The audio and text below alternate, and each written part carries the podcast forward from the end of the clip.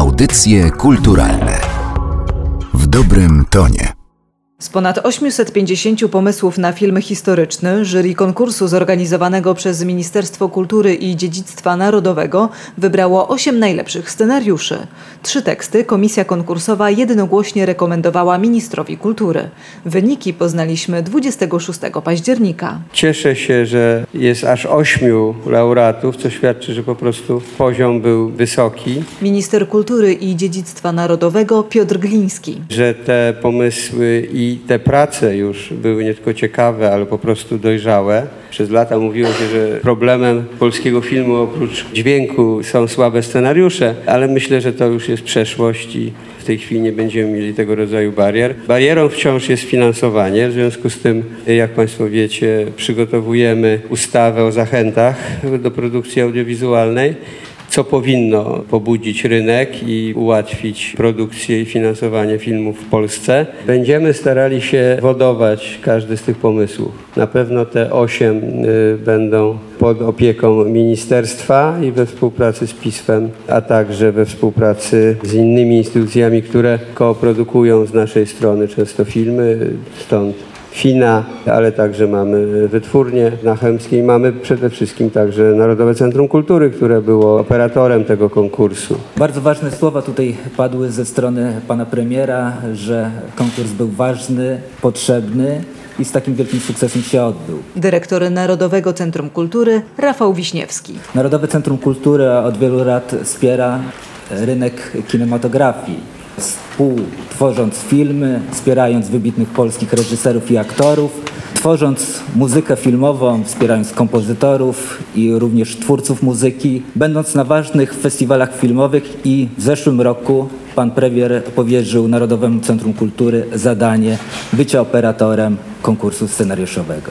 Ponad 850 aplikacji niemalże z całej Polski zostało przesłanych na konkurs. Zostało wyłonionych 50 prac, z 50 zostało zaproponowane, żeby 8 prac zostało finalizowanych. To jest przyczynek, tak jak pan premier powiedział, że będzie szukał innych rozwiązań, żeby wspierać konkurs, który jest wartościowy. Ja chciałbym Państwu pogratulować, ale nie tylko pogratulować tym ośmiu najlepszym z najlepszych, ale wszystkim tym, którzy zgłosili się, bo Państwa prace pokazują, że warto inwestować w polską kulturę. Wszystkie te teksty, jakby przede wszystkim te osiem, które wymieniliśmy, uważamy, że zasługują na to, żeby stać się podstawą filmów i te filmy mają szansę na widownię przede wszystkim. Jarosław Sokół, przewodniczący jury konkursu historycznego. Teksty, które rekomendujemy już dzisiaj panu ministrowi do skierowania na tą szybką ścieżkę realizacji są trzy. Są to teksty pana Marka Ławrynowicza, tekst o okupacyjnych losach Brunana Szulca, tekst pana Roberta Glińskiego o mordzie katyńskim, sanatorium e, Gorkiego i tekst pana Tomasza Klimali o towarzystwie gimnastycznym Sokół.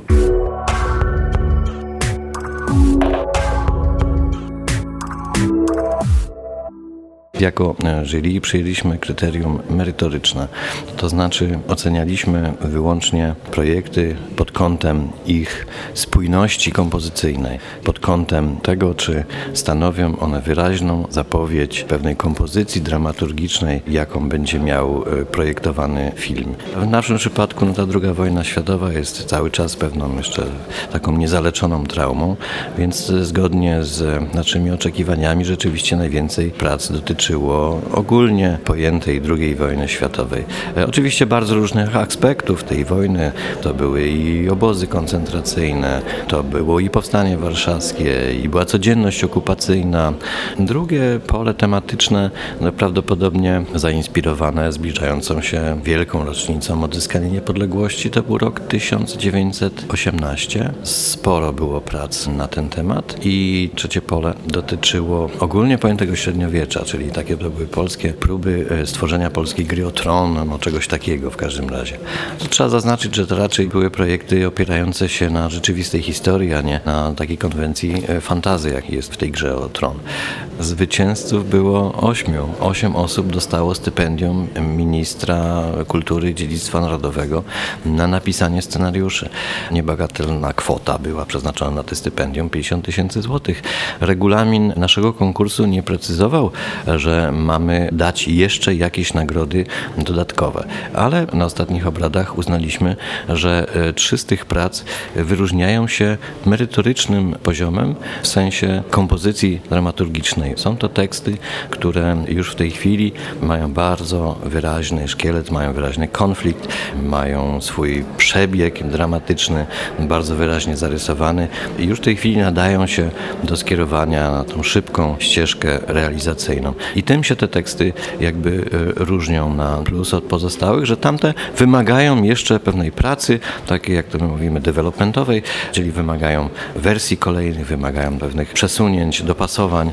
Natomiast te, które dodatkowo wyróżniliśmy rekomendacją do ministra kultury i nagrodami równorzędnymi w wysokości 30 tysięcy złotych, w naszym odczuciu mogą zostać zrealizowane no, już w tej formie, w jakiej są. Scenariusz opowiada o ostatnim okresie życia Brunona Schulza, od momentu wkroczenia Niemców do Drohobycza 1 lipca 1941 roku, a kończy się akcja dzień po jego śmierci. Marek Ławrynowicz. Główny wątek filmu to są losy Schulza w czasie okupacji niemieckiej, głównie jego pobyt w getcie, bo bardzo szybko to getto powstało. Drugi wątek tego scenariusza to jest historia grupy polskich pisarzy. Tu warto wymienić Zofię Naukowską, Tadeusza Brezę, Kazimierza Truchanowskiego, którzy postanowili Szulca uratować. Te wątki trwają równolegle, tak jak trwały równolegle w czasie. No, wiemy, że ta akcja się nie udała, ale o niej w ogóle mało wiadomo, o niej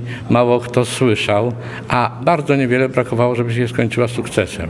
Jest wiele innych wątków. Jest bardzo ważny wątek wzajemnej nienawiści, rywalizacji dwóch gestapowców, Fritza Landała, któremu Schulz w jakimś sensie świadczył usługi. Jako malarz malował pokój jego dzieci, malował jego portret i nienawidzącego go Karla Gintera, który ostatecznie był mordercą Schulza. To jest wątek, który jest sam w sobie pewnego rodzaju tragedią. W ogóle cała ta historia, nawet nie mój scenariusz, tylko to, co było, jest pewnym splotem dość niewiarygodnym, bardzo dramatycznych okoliczności, bardzo dramatycznych zdarzeń. Ja dlatego chciałem to napisać, zresztą nie na konkurs, tylko dużo wcześniej, no ale jakoś to się tak powoli zbierało. W momencie, kiedy pojawił się konkurs, pomyślałem sobie, że spróbuję tą historię przedstawić, no i szczęśliwie się udało. To jest też opowieść o artystach. To jest też opowieść nie tylko o dramacie wojny, o Holokauście, ale także o sztuce. Kim jest artysta w sytuacji ekstremalnej? Pamiętajmy, że Schulz jest pisarzem o wymiarze światowym, a na pewno europejskim. Jest pisarzem znanym i cenionym w bardzo wielu krajach. Nie jest kimś anonimowym dla świata, a zwłaszcza dla świata kultury. I myślę, że ta historia opowiada o pewnych archetypach, o okrucieństwie i słabości, o sprawie dobra i zła, o emocjach ludzkich. W związku z tym myślę, że ona jest bardzo uniwersalna, że można ją opowiedzieć właściwie wszędzie. Ona może będzie zrozumiana nie do końca, może nie wszystkie uwarunkowania będą zrozumiane, ale starałem się też tak to napisać, żeby było to czytelne, żeby było jasne, dlaczego tak się dzieje, że nie tylko co się dzieje, ale dlaczego, jaki diabelski, że tak to nazwę, mechanizm tutaj działa. Więc myślę, że to jest film, o ile powstanie, który może pójść w świat i pokazać coś ważnego o naszej historii, ale też o historii jakby europejskiej. Ja mam właśnie marzenie tylko jedno, żeby reżyser był człowiekiem odważnym. Bo mi się wydaje, że zrobienie tego scenariusza, nie burząc pewnej równowagi w nim, wymaga pewnej odwagi, ponieważ ten scenariusz pokazuje też rzeczy bardzo okrutne. Pokazuje też zbrodnie. Pokazuje patologicznego mordercę Karla Gintera. I reżyser nie powinien się zawahać, bo jeżeli nie pokaże bezmiaru zła, ludzie nie zrozumieją dlaczego tak się dzieje, dlaczego ludzie tak czują, dlaczego tak się zachowują, co robią. Więc żeby to był taki ostry, odważny facet albo kobieta, bo kobiety są ostatnio ostrzejsze i odważniejsze. Takie mam odczucie. Z tym filmem się włożę lat y, kilkanaście, a już niedługo będzie dwadzieścia. No i nie wiem, czy uda się go zrobić. Robert Gliński, reżyser filmowy. Ale dzięki temu, że tak długo ten pomysł, a właściwie ten scenariusz chcemy zrealizować, to ten scenariusz się zmienia. I zmienia się ciągle na lepsze, bo powstają co tam rok czy dwa nowe wersje, które są zawsze lepsze, bo jest dopracowany szczegół, dopracowana dramaturgia, konflikt, postaci. Więc myślę, że teraz już ten scenariusz jest fantastyczny i pora go zrobić, no bo już lepszy już nie może być. No już tak został przepracowany na wszystkie strony. A to jest historia obozu kozielskiego, w którym byli trzymani oficerowie, którzy zginęli potem w Katyniu, polscy oficerowie. Bohaterem jest pianista, wybitny polski pianista, finalista konkursu Chopinowskiego z 1936 roku. Zresztą postać częściowo autentyczna, który był oficerem rezerwy, no i został zatrzymany przez Sowietów i wylądował w tym obozie w Kozielsku. I on jest przedmiotem zainteresowania NKWD przedmiotem zainteresowania kombriga Zarubina, który chce go kupić, chce go przyciągnąć na stronę sowiecką, chce, żeby został wybitnym pianistą e, radzieckim, grał na największych estradach czy filharmoniach świata i obiecuje mu Złote Góry, tenże kombrik Zarubin, obiecuje mu to, że zaopiekuje się jego żoną, dzieckiem. No i e, zaczyna się pomiędzy nimi gra, no bo bohater sobie zdaje sprawę, że jeśli odrzuci tę propozycję, to prawdopodobnie zamordują jego żonę i dziecko, a on też nie będzie miał ciekawszej przyszłości. Zaczyna się gra o przeżycie, a jednocześnie no, pewne mocowanie samym sobą. No, każdy artysta jest próżny i pytanie jest takie, czy wybierze własną karierę i wspaniałe zaszczyty, czy też nie. I ta gra obfituje w różnego rodzaju zakręty i konflikty i upadki, i wzloty, a kończy się, no tak jak się skończyła historia obozu w Kozielsku, mordem w Katyniu, że ci oficerowie zostali w Katyniu zamordowani. A jak pan widzi szanse tego scenariusza na rynku międzynarodowym? Myślę, że są ogromne, ponieważ to są historie o ludziach, pełne emocji, pełne napięcia, a takie filmy się przebijają. No, na tym bazuje kinematografia amerykańska. No. Większość tych znanych, Szeregowiec Ryan, czy filmy Oliviera Stona, czy właśnie e, Mela Gibsona, te wojenne i tak dalej, to są filmy, które oprócz pewnej widowiskowości mają wyrazistych bohaterów. Ten bohater ma wyrazisty konflikt, wie czego chce, próbuje zdobyć swój cel, ale oczywiście ma różne przeszkody i nie może. I to wszystko wyzwala emocje, to wszystko buduje napięcie w filmie i taki film trzeba zrobić. No. My wiemy, jaka jest recepta tych filmów amerykańskich, tylko takie filmy u nas nie powstają, no bo wiadomo, Kurica nie Ptica, Polska nie Ameryka i niestety nie możemy się za to zabrać tak porządnie. Czego pan oczekuje ze strony Ministerstwa Kultury? Konkurs został rozwiązany. Trzeba zrobić. No, ja myślę, że my jesteśmy przyzwyczajeni, ja mówię my w Polsce, do tego, że się dużo gada, a nic z tego nie ma. No i mam nadzieję, że to będzie inaczej. To znaczy, że oprócz tego, że dużo zostało przelane na papier, dużo żeśmy mówili o tym wszystkim, natomiast nie będzie dobrze, jak te filmy nie powstaną. Bo na pewno te scenariusze, które zostały wyselekcjonowane w tym konkursie, one mają duży potencjał. One są o czymś, one mają ciekawych bohaterów, to jest materiał na dobre historie filmowe. No. I uważam, że te, te, filmy trzeba zrobić. I to nie Mel Gibson, ten mityczny, który gdzieś tam y, jest i tutaj słyszę, że są takie plany, żeby przyjechał Mel Gibson albo Oliver Stone i, i nakręcił jakiś wspaniały film o polskiej historii, bo to są gruszki na wierzbie. A polscy reżyserzy moim zdaniem są dużo lepsi niż Mel Gibson, tylko muszą mieć warunki do tego. Jak Mel Gibson ma 100 dni zdjęciowych, to on może sobie wszystkie sceny wypracować i zrobić je porządnie. A jak polski reżyser ma 20 dni zdjęciowych, to wiadomo, że robi 10 scen dziennie i te sceny są zrobione po łebkach, więc jeśli będą warunki stworzone do tego, żeby powstał dobry film polski, no to będzie wspaniale i wtedy takie filmy powstaną. Ja tu powiedziałem, że ja chcę zacząć zdjęcia na wiosnę. No i zobaczymy. Spotkamy się na wiosnę i wtedy porozmawiamy i wtedy powiem, czy idzie wszystko do przodu, czy też jest tak jak zawsze, czyli wszystko się rozłazi. Będziemy szukali różnych sposobów produkcji tych filmów, no bo mamy tutaj całkiem sporo filmów, prawda?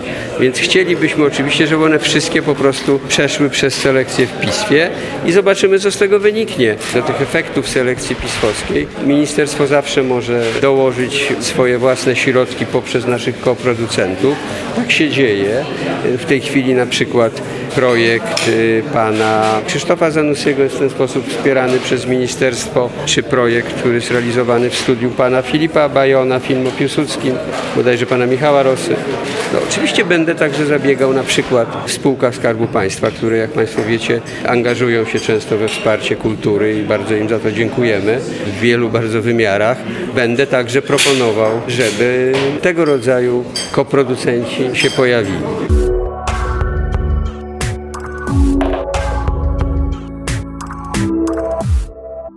Materiał przygotowała Magdalena Miszewska. Audycje kulturalne w dobrym tonie.